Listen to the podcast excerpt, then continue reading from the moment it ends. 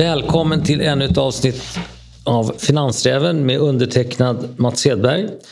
Idag är jag lite upphetsad för jag har två väldigt speciella gäster. Eh, de är inriktade på investeringar i bolag i tidiga faser. Den ena har våra trogna lyssnare redan träffat. Det är Niklas Bergman. Men han har gått vidare och, och får, får göra lite nya saker som han ska berätta om. Och sen har vi David Sonek på Industrifonden. Två personer som tillsammans är kanske de mäktigaste investerarna i startupvärlden nu för tiden. Välkommen! Tack så mycket. Tackar, tackar. Vi börjar med David. Då. Hur skulle du beskriva dig och din bakgrund? Jag är väl mest en, fortfarande en investerande forskare. Det var ju länge sedan jag gjorde någonting. Jag bidrog till vetenskapen för, för, på ett väldigt litet sätt för 30 år sedan. Men det är fortfarande min identitet, är nog vem jag är. Du har ju ett eget observatorium hemma har jag hört. Absolut. Så du, du fortfarande engagerad i, i uh, tung teknik?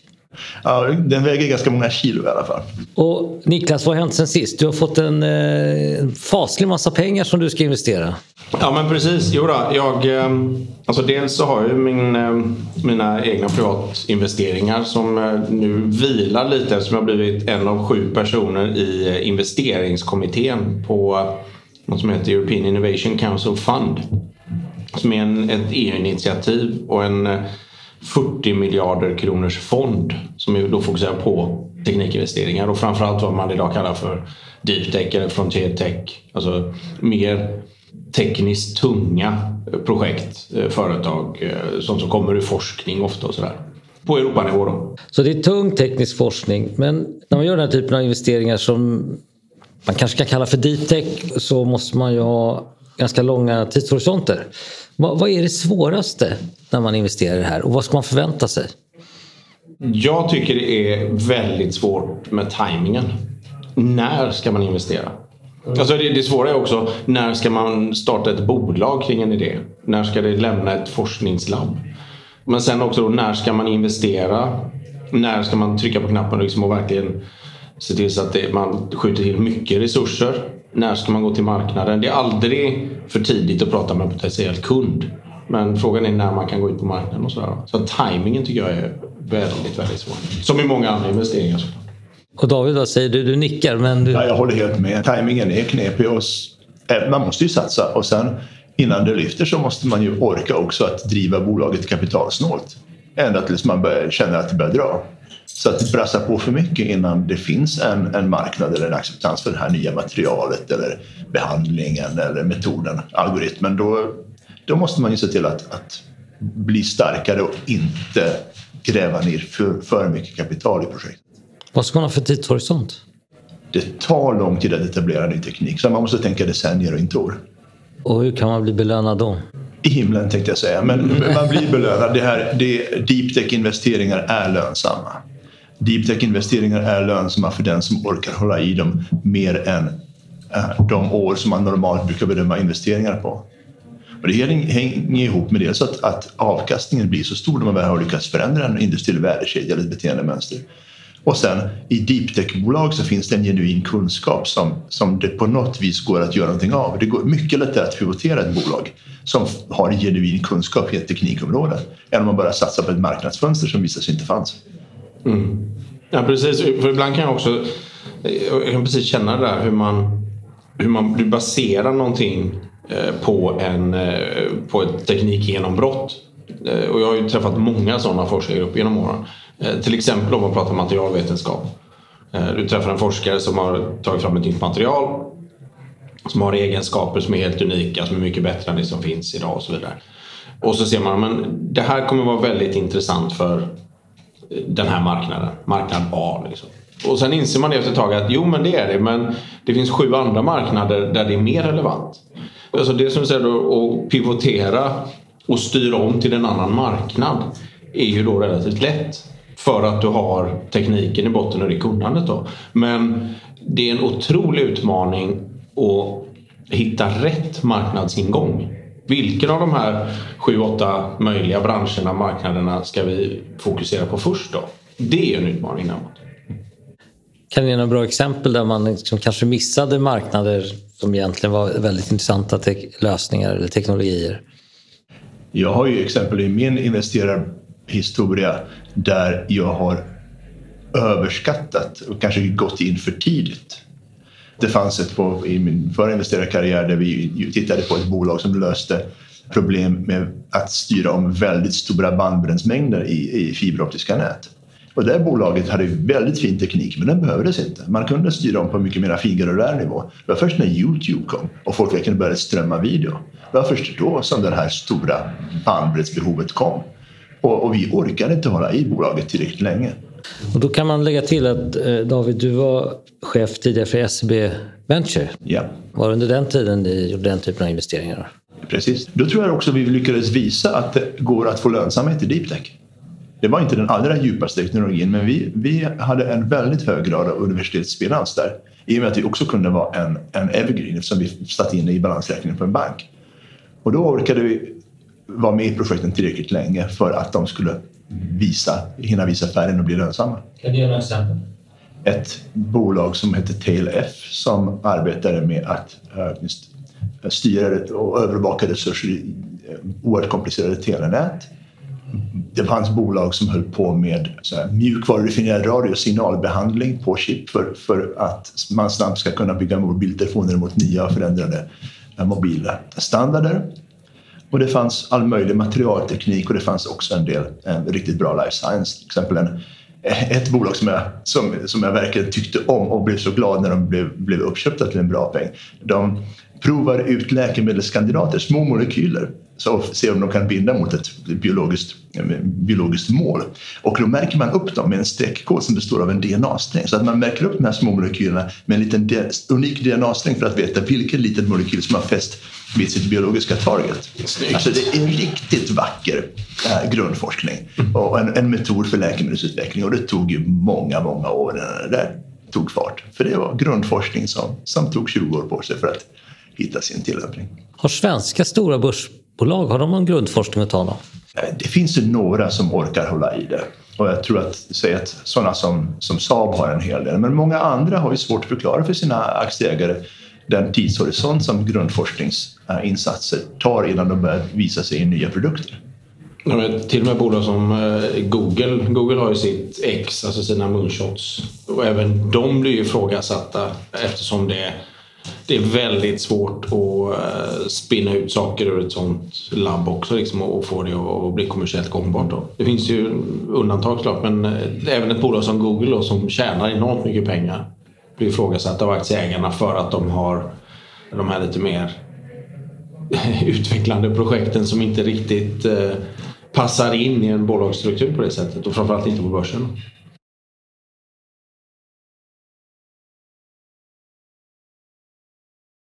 I den här typen av, liksom, om man inte negligerar det här, blir det risk för bolag som Ericsson, eller Astra eller Saab om de inte eh, liksom, snålar på det här? Ja, men satsar man inte på 10-20 års sikt så, kommer man, så har man ju dömt sig själv till stagnation. Mm. Ja, Ericsson har ju haft utmaningar att följa teknikskiften. Om jag, alltså från sidlinjen, det jag har förstått, så, så är det klart att det, det har varit tufft för Ericsson från tid till annan. Det har funnits mycket insikt i bolaget att man måste satsa på och också hur, hur mycket deras forskningssatsningar också har gett till exempel i Freedom to Operate och licensintäkter från patent. Mm. Så mm. även en så pass lönsam affär som Ericssons mm. har ju från tid till annan ifrågasatts. Vad ska det vara för typ av investerare för att det här ska bli riktigt bra? Är det Klarar börsen av eller ska det vara superrikingar eller ska det vara institutionellt kapital? Det kommer nog att visa sig. Jag tror att vårt uppdrag till de som förvaltar våra pensioner, för det är ju därifrån de, de mesta placeringsbara medlen kommer från, från den breda medelklassens pensionssparande. Ja. Och eh, jag tror att vi kanske måste bli lite bättre på att hitta vägar hur vi ska ge våra mellanhänder instruktioner om att satsa långsiktigt, hållbart och för en hållbar tillväxt eh, för att om vi fokuserar enbart på att det ska kosta väldigt lite. Jag vet AP-fonderna kritiseras ju ibland för att det kostar nio istället för sju punkter att förvalta. De ska då göra väldigt mycket. De ska vara goda ägare, de ska rösta på bolagsstämmor, de ska se in i framtiden. Det är inte så himla lätt att fixa, det är på sju punkter. Så att vi måste kanske våga låta våra, de som förvaltar våra pengar att analysera, tänka och satsa långsiktigt och så styra de innehav de har mot i sin tur långsiktighet. Mm. Vi pratar ofta om tidshorisonten, att den är lång, eh, decennier sådär. Men med modern teknologi och de lösningar som finns Händer någonting med, går det fortare idag än vad det gjorde tidigare? Både och. Men nu får väl Niklas säga emot. Men det finns saker och ting som går väldigt mycket fortare. Den kommunikationsteknik och alla de gadgets som vi har gör att vissa affärsmodeller går att, att man kan lansera en produkt på veckor och man kan utvärdera på minutnivå om en blå bakgrund säljer mer än en grön bakgrund. Så det finns ju affärsmodeller som man kan launcha med hjälp av ny teknik oerhört snabbt och etablera nya bolag. Samtidigt så ska man gripa in i de stora etablerade värdekedjorna som kanske snarare går långsammare. Mm. Det finns så oerhört mycket hårdvara där ute. Bygga om en, en fabrik för integrerade kretsar.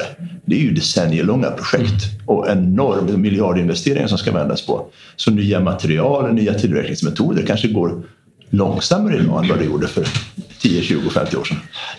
Ja, men om du tar halvledare som exempel där du då för 20 år sedan köpte en Pentium-processor med 90 eh, nanometers linjebredd.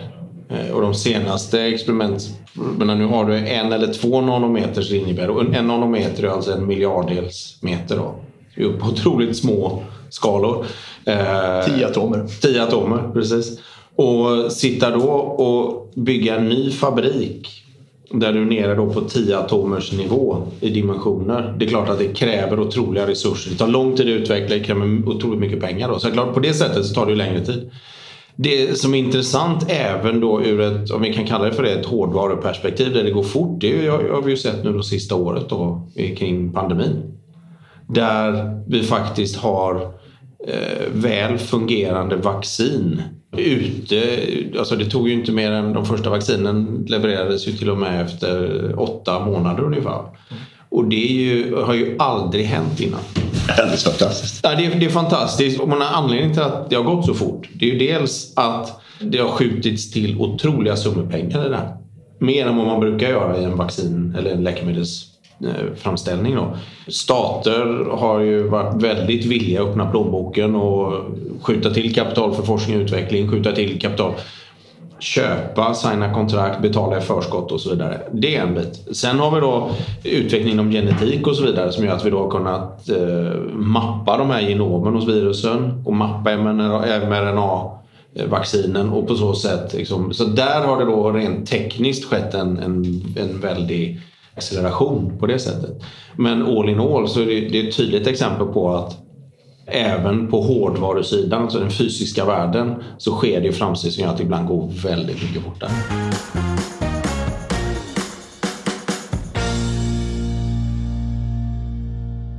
Wow, det, är, det är spännande och svindlande. kanske finns några av våra lyssnare där ute som sitter och funderar på vilka är de hetaste områdena just nu? Från idag och blickar något decennium framåt. Krypto? Nej, sa fel nu. det är en lustigkurre den där Niklas. Mitt svar skulle vara att samverkan mellan äh, fysik, informationsteknologi och biologi, syntetisk biologi, att härma hur naturen gör olika saker. Allt från hur kemifabriken inne i en cell fungerar och att göra det, lyfta ur det ur cellen i stor skala jag tror att, att härma hur naturen har valt ut och optimerat processer, material och så. Det gör ju ont i hjärtat för en fysiker. Men att vi är på väg, vi verkligen har varit länge på väg in i biologins århundrade. Mm. Och jag tror inte att, nu sitter vi vid ett träbord, jag tror inte vi kommer att hålla på och såga ner träd i framtiden för att få till ett bord. Jag tror att vi kommer att instruera ett antal celler eller ett antal mekanismer som vi har härmat från naturen att, att forma någonting som ser ut som ett bord. Mm. Som ser ut som ett träbord till och med. Ja, mm. som är ett träbord på cellnivå men som aldrig har passerat någon skog. Mm. Och vad ska vi ha för tidshorisont för den här svindlande tanken? För den är ju verkligen svindlande. Ja, mycket av det här händer ju redan. Men eh, hela bordet, eller hela din fina wagyu-biff, det kanske tar ett tiotal år till. Men att vi redan nu härmar naturen är ju fler och fler produkter. Eh, det, det är någonting som händer och är makalöst spännande. Nej, men alltså, teknikgenombrottet har redan gjorts. Ja. Eh, det är ju skalningen nu då som, eh, som tar lite tid till. Så absolut. Men det är intressant som David säger. Vi pratade om det innan, vi, innan du satte på bandet här Mats. Men det här korsbefruktningen mellan olika discipliner. Och det, det, där är jätteintressant. Jag brukar referera till det som BANG, då, alltså Bits, Atoms, Neurons, Genes. Alltså, det är informationsteknik, nanoteknik, neurovetenskap och bioteknik. Och i, i gränslandet mellan de här. Alltså hur du kan använda AI för att förstå eh, den mänskliga hjärnan. Hur du kan använda nanoteknik för att transportera mediciner i kroppen och så vidare. Så att där finns jättemycket intressant. Och det här har ju lite överskuggat tror jag av att när vi har sett en, en otrolig mognad inom IT, vi har sett att alla går runt med smarta telefoner. Så det har kommit väldigt många nya affärer, affärsidéer, innovationer på applikationssidan där det har varit relativt, relativt sagt lätt att bygga en produkt, starta ett företag och faktiskt eh, skala upp det här. Vilket gör att de här lite mer tyngre sakerna har, eh, har inte synts på samma sätt.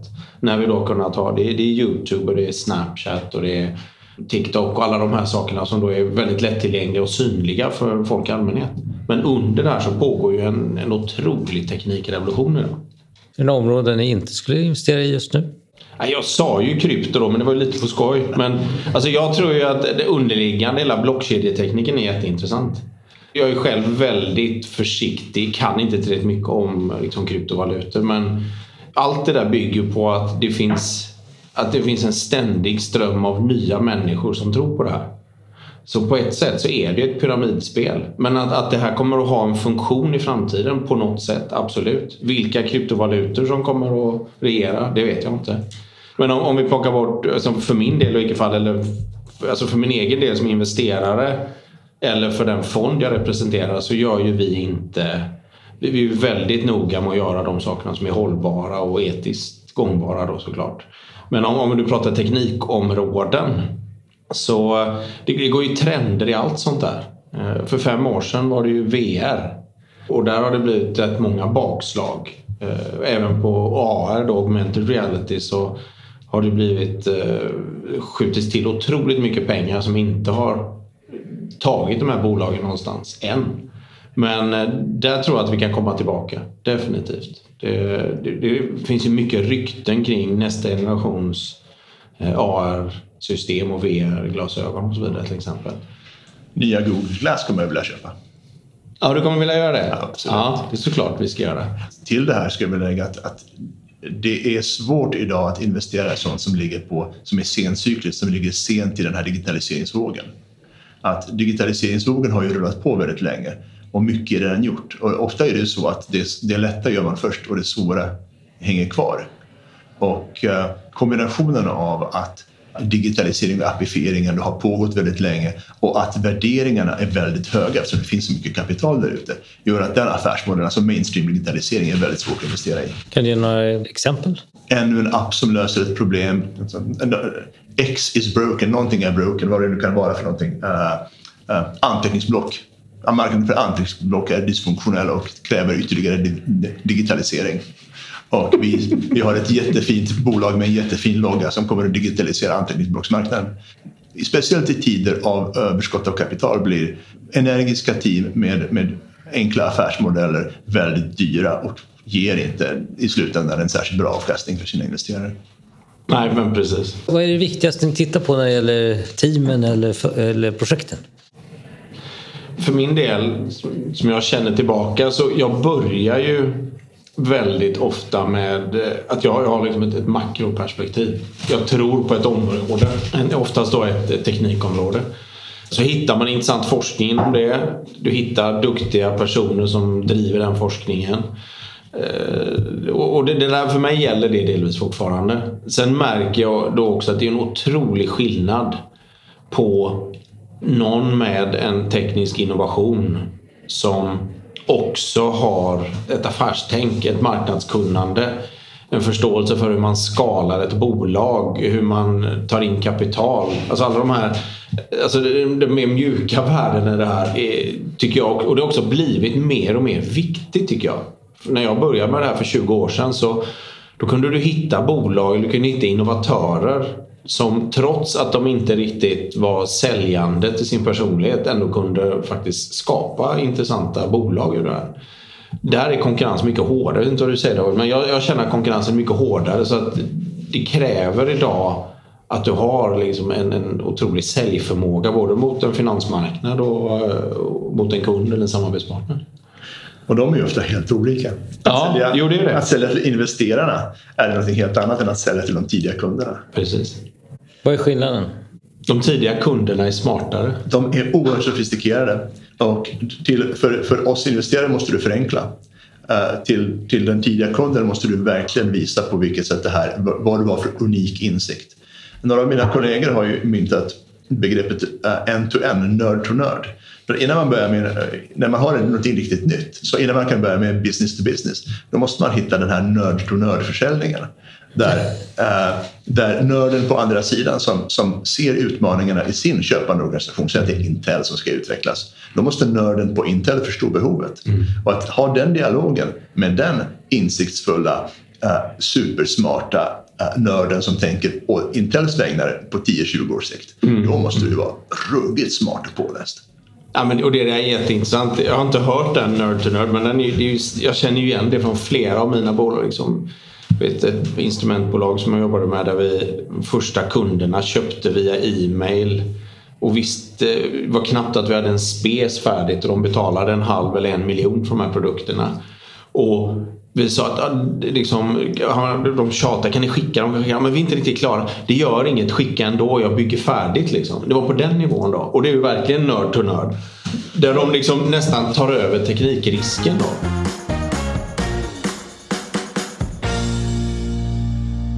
Så nörd till nörd, kom ihåg vilken podd ni hörde det först. Ja.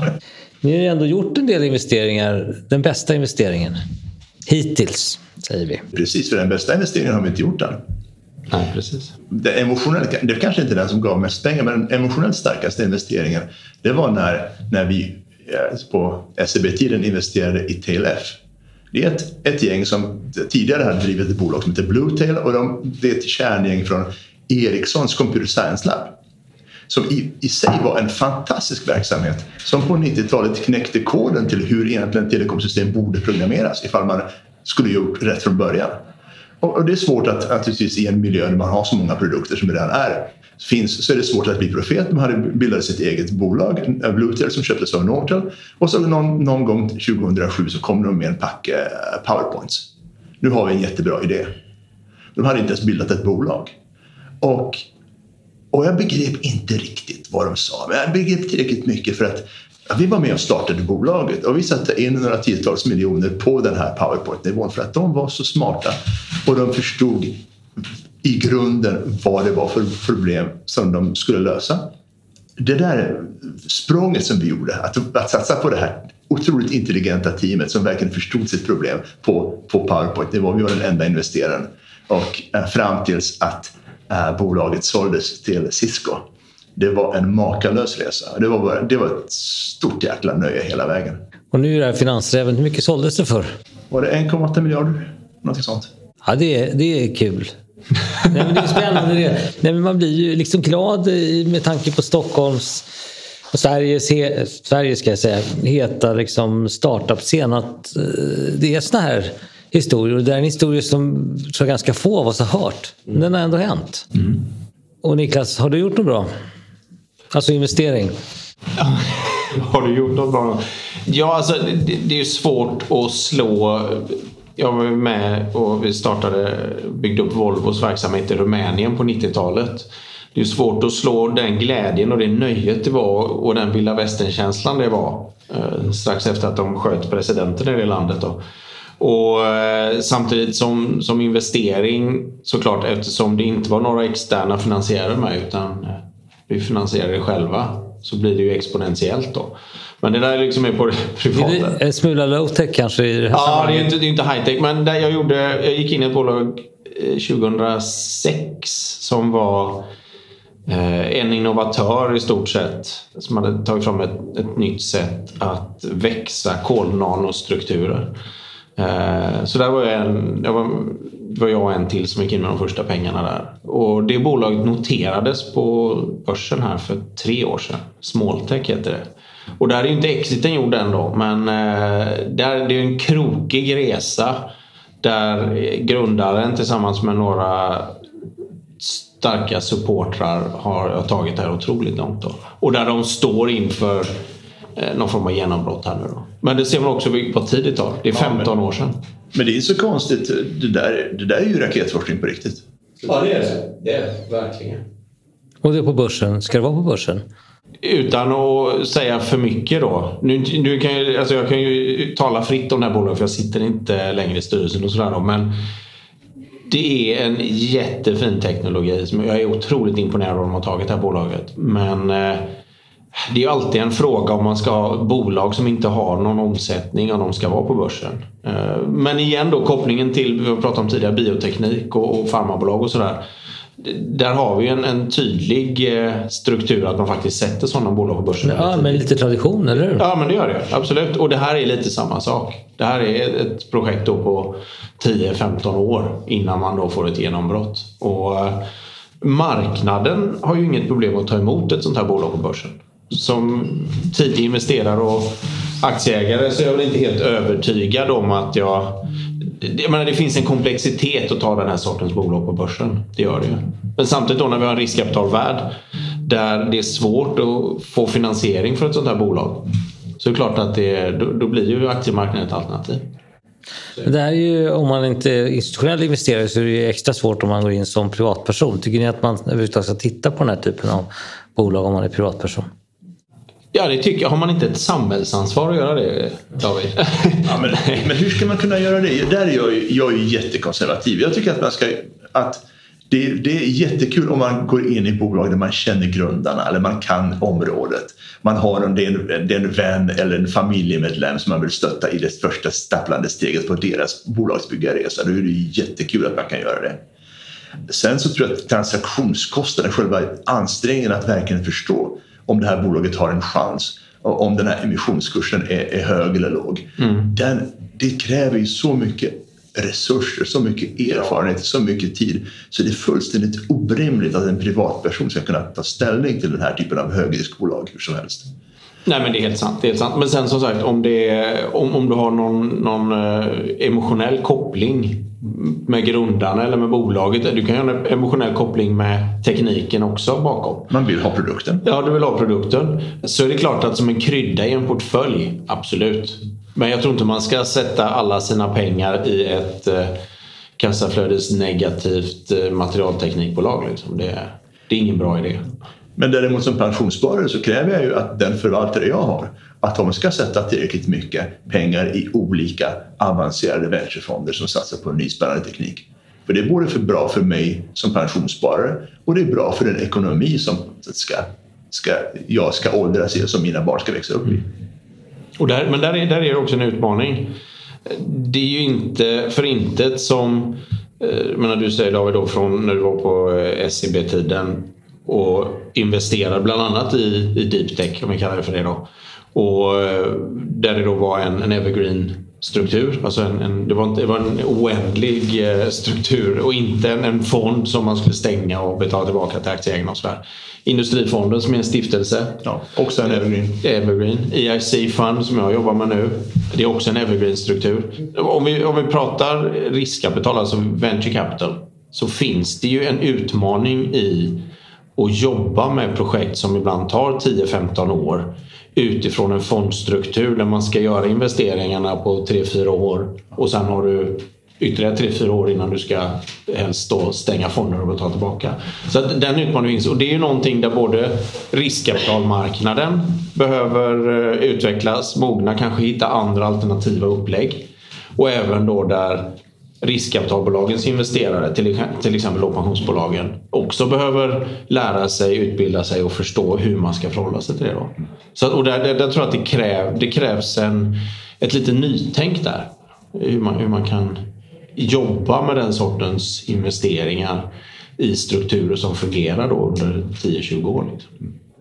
Det kanske är någon som sitter och blir sugen på att jag kanske ändå ska investera som en liten del av min portfölj. Och nu har ni hållit på att investera länge. Givet er erfarenhet, vad, vad är den enklaste fällan att gå i? Det största misstaget man kan göra? det är ju att gå in för tidigt.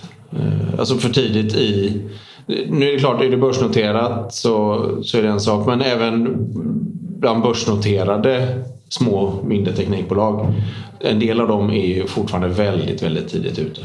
Så är det ändå, har du uthållighet så är det klart att du kan gå in tidigt men samtidigt så vill man ju försöka tajma det och gå in dagen innan genombrottet såklart då. Helst. Kanske lättare sagt än gjort. Det är det alltid. Men jag, igen, jag kommer tillbaka till det tajmingen är... Det, det är jätte, för mig har det alltid varit en utmaning att inte kliva på för tidigt. För jag blir alltid entusiastisk i de här idéerna och sådär. Och springer ibland för fort och går in för tidigt i projekten. Det är en lärdom, men det är svårt. David, kan du lägga till något här eller? Jag tycker inte man ska investera i sånt som man inte fundamentalt begriper och har kapacitet att läsa in sig på. Är man beroende av prospektet, oavsett prospektet innehåller en väldig massa sanna, korrekta och jätteväl utforskade påståenden om ett, om ett investeringsprojekt så har man inte förmågan och, och tiden och kunskapen att, att läsa på väldigt mycket mer om hur stor är den här marknaden, hur relevant är den här teknologin och vilka konkurrenter finns det? Så, så är det orimligt att, att ge sig in i det. Men jag är konservativ.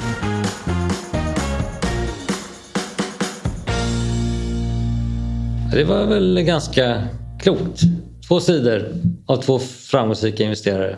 Svenskarna har ju ändå byggt upp ganska många bolag som säljs. Tycker vi att vi säljer våra bolag för tidigt i Sverige? I något enstaka fall. Jag blir ju extra glad när vi är med och investerar i någonting som blir ett, ett långsiktigt börsnoterat bolag.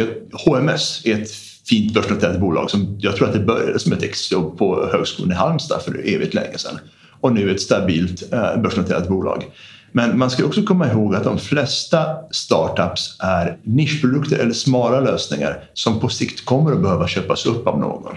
För en väldigt stor uppgift som venturemarknaden har det är att bygga bolag tills de blir köpbara. Vår uppgift är inte att bygga bolag så att de blir självständiga börsjättar för det krävs att de bygger upp um, oerhörda säljresurser, global närvaro globala säljnät. Och de flesta bolag bildas kring smala produkter som man kan bolagisera, få upp tidiga intäkter på och som sen blir en demonstrator som ett antal storbolag kan se, passar det här in i vårt sortiment, i vårt produktutbud, i vår distributionslogik? Så de flesta bolag som, som Venture bygger baserat på ny spännande teknik ska så, ganska snart, eller i alla fall så småningom ingå i en större bolagsstruktur.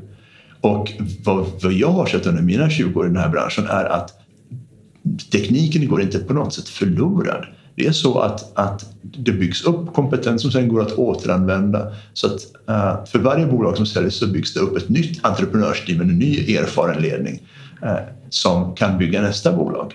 Och förhoppningsvis blir några av de här bolagen riktigt stora. Det är det vi har sett. Astra, Pharmacia såldes många sätt. Vi kommer aldrig få några så stora läkemedelsbolag i Sverige men vi har enormt många life science-bolag. Mm, precis. Något skulle kunna bli stort. Det är, det är inte uteslutet att det händer igen men det händer inte särskilt ofta. Mm.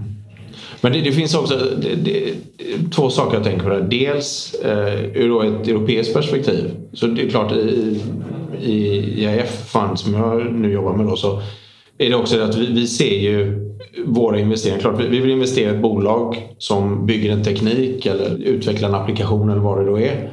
Som då ska bli lönsamma och vi ska göra en bra affär utifrån det. Men det finns ju också ett ekosystemperspektiv. Lite som, som det här som du säger om att om vi investerar i eh, flera olika bolag som jobbar inom en viss sektor så det är klart att det hjälper till att bygga ekosystemet. Vilket kanske då innebär att har vi då ett, liksom, ett, ett mer strategiskt europeiskt perspektiv i det här plus att vi också har ett perspektiv som är långsiktigt. Så kanske det är så att okej, okay, den här första idén som vi investerade blev ingenting men de som kommer ur det, de startar tre nya bolag och två av dem blir jättebra. Liksom. Så det, det finns ju den tanken då. Eh, sen är det också så här, man tittar, ibland så stirrar vi oss blinda på det här att det skapas inga svenska storbolag längre. Det har blivit lite tystare kring det där nu då efter eh, Spotify och Klarna och några till då såklart. Va? Men om man jämför då med liksom för hundra år sedan drygt då när liksom du har Ericsson och du har Volvo och SKF och den, den sortens bolag. Alltså, då var ju Sverige en relativt sett stor spelare inom, inom industrialiseringen, inom den tidiga industrialiseringen. Det är vi inte längre. Eh, så att den, den roll och den styrka vi hade för hundra år sedan i Sverige var ju relativt sett mycket större än vad det är idag. Och det betyder inte att vi har misslyckats i Sverige. Det betyder att resten av världen har utvecklats och kommit ikapp. Industrialiseringen har spridits och så vidare. Men det skapas ju fortfarande otroligt mycket intressanta idéer och bolag och projekt eh, i det här landet. Ni som har eh, lyft blicken mer än kanske de flesta andra. Har Sverige ett internationellt sett väldigt starkt startup-scen? Ja, absolut. Och är det här någonting som liksom eh, är början på någon ny typ av ekonomisk storhetstid eller vad man ska säga? Jag tror i alla fall att, att, systemet är väldigt robust. Så att även om det kommer en lågkonjunktur så finns affärsägarna, entreprenörerna, hela infrastrukturen finns på plats. Så att jag tror att den tål, till skillnad från tidigare kriser, en, en rejäl käftsmäll och kommer ändå överleva. Så vi har ett fantastiskt startup-landskap och vi är väldigt bra på att bygga bolag och marknadsföra. Mm. Vad vi kanske inte är fullt så bra på som när, när Sverige blev rikt, det är de grundläggande teknikerna. Jag kan ju bli riktigt, riktigt trött när jag hör ännu en eh, pensionerad farbror från storindustrin som säger att i Sverige är vi väldigt bra på teknik men vi är dåliga på att sälja. För de har inte hängt med vad som har hänt de senaste 30 åren. Vi har blivit nog alldeles fantastiskt bra på att sälja. Marknadsföring, bolagsbyggande, internationell uppskalning. Vi är makalösa på det. Men vi har blivit lite trötta när det gäller att faktiskt fylla de här produkterna med tekniskt avancerat innehåll. Mm. Ja, det var en intressant iakttagelse tycker jag. En koppling till det är ju att vi har, jag menar, idag har vi då en, fortfarande en väldigt tung, stabil svensk industrisektor. Alltså traditionell basindustri. Oavsett om det är fordon, växlar eller eh, gruvdrift liksom, så, så finns det ju många väldigt fina svenska stora eh, industribolag. Kopplat till då att vi har en, en helt annan startupkultur idag än vad vi hade för, för bara 10-20 år sedan. Sen jag började som entreprenör, det var nästan ett skällsord. Och det är det inte längre. Och det är den, den kopplingen som jag tycker är intressant. Och där har ju Sverige, men även i ett europeiskt perspektiv, så har vi en fördel där. För vi har liksom en tung basindustri som då kan dra nytta, dra lärdom av startups och vice versa. Och det är där tror jag som det finns en, en långsiktig unikitet som, som är jätte, jätteintressant och som är lite underskattad fortfarande tror jag. Och där tror jag man kan komma tillbaka till den frågan, säljs de svenska startupsen för tidigt? Nej, kanske inte för tidigt, men möjligen till fel köpare. Jag önskar ju att den svenska och europeiska storindustrin blev lite bättre på att köpa startups och öka sina tekniska förmågor med hjälp av startups. Vi ser att det finns en del företag. Cisco har ju varit briljanta i 20 år på att växla upp sin teknik genom att köpa uh, små högteknologiska bolag. Jag kan ju önska att svenska och europeiska storföretag blir lite bättre på att skaffa sig sådana fördelar genom att både samarbeta med och köpa upp strategiskt viktiga uh, startups. Absolut, den traditionen finns ju inte riktigt på det sättet. Ja, för nu hamnar det oftast i USA eller i Kina. Mm. Framförallt i USA. Spännande.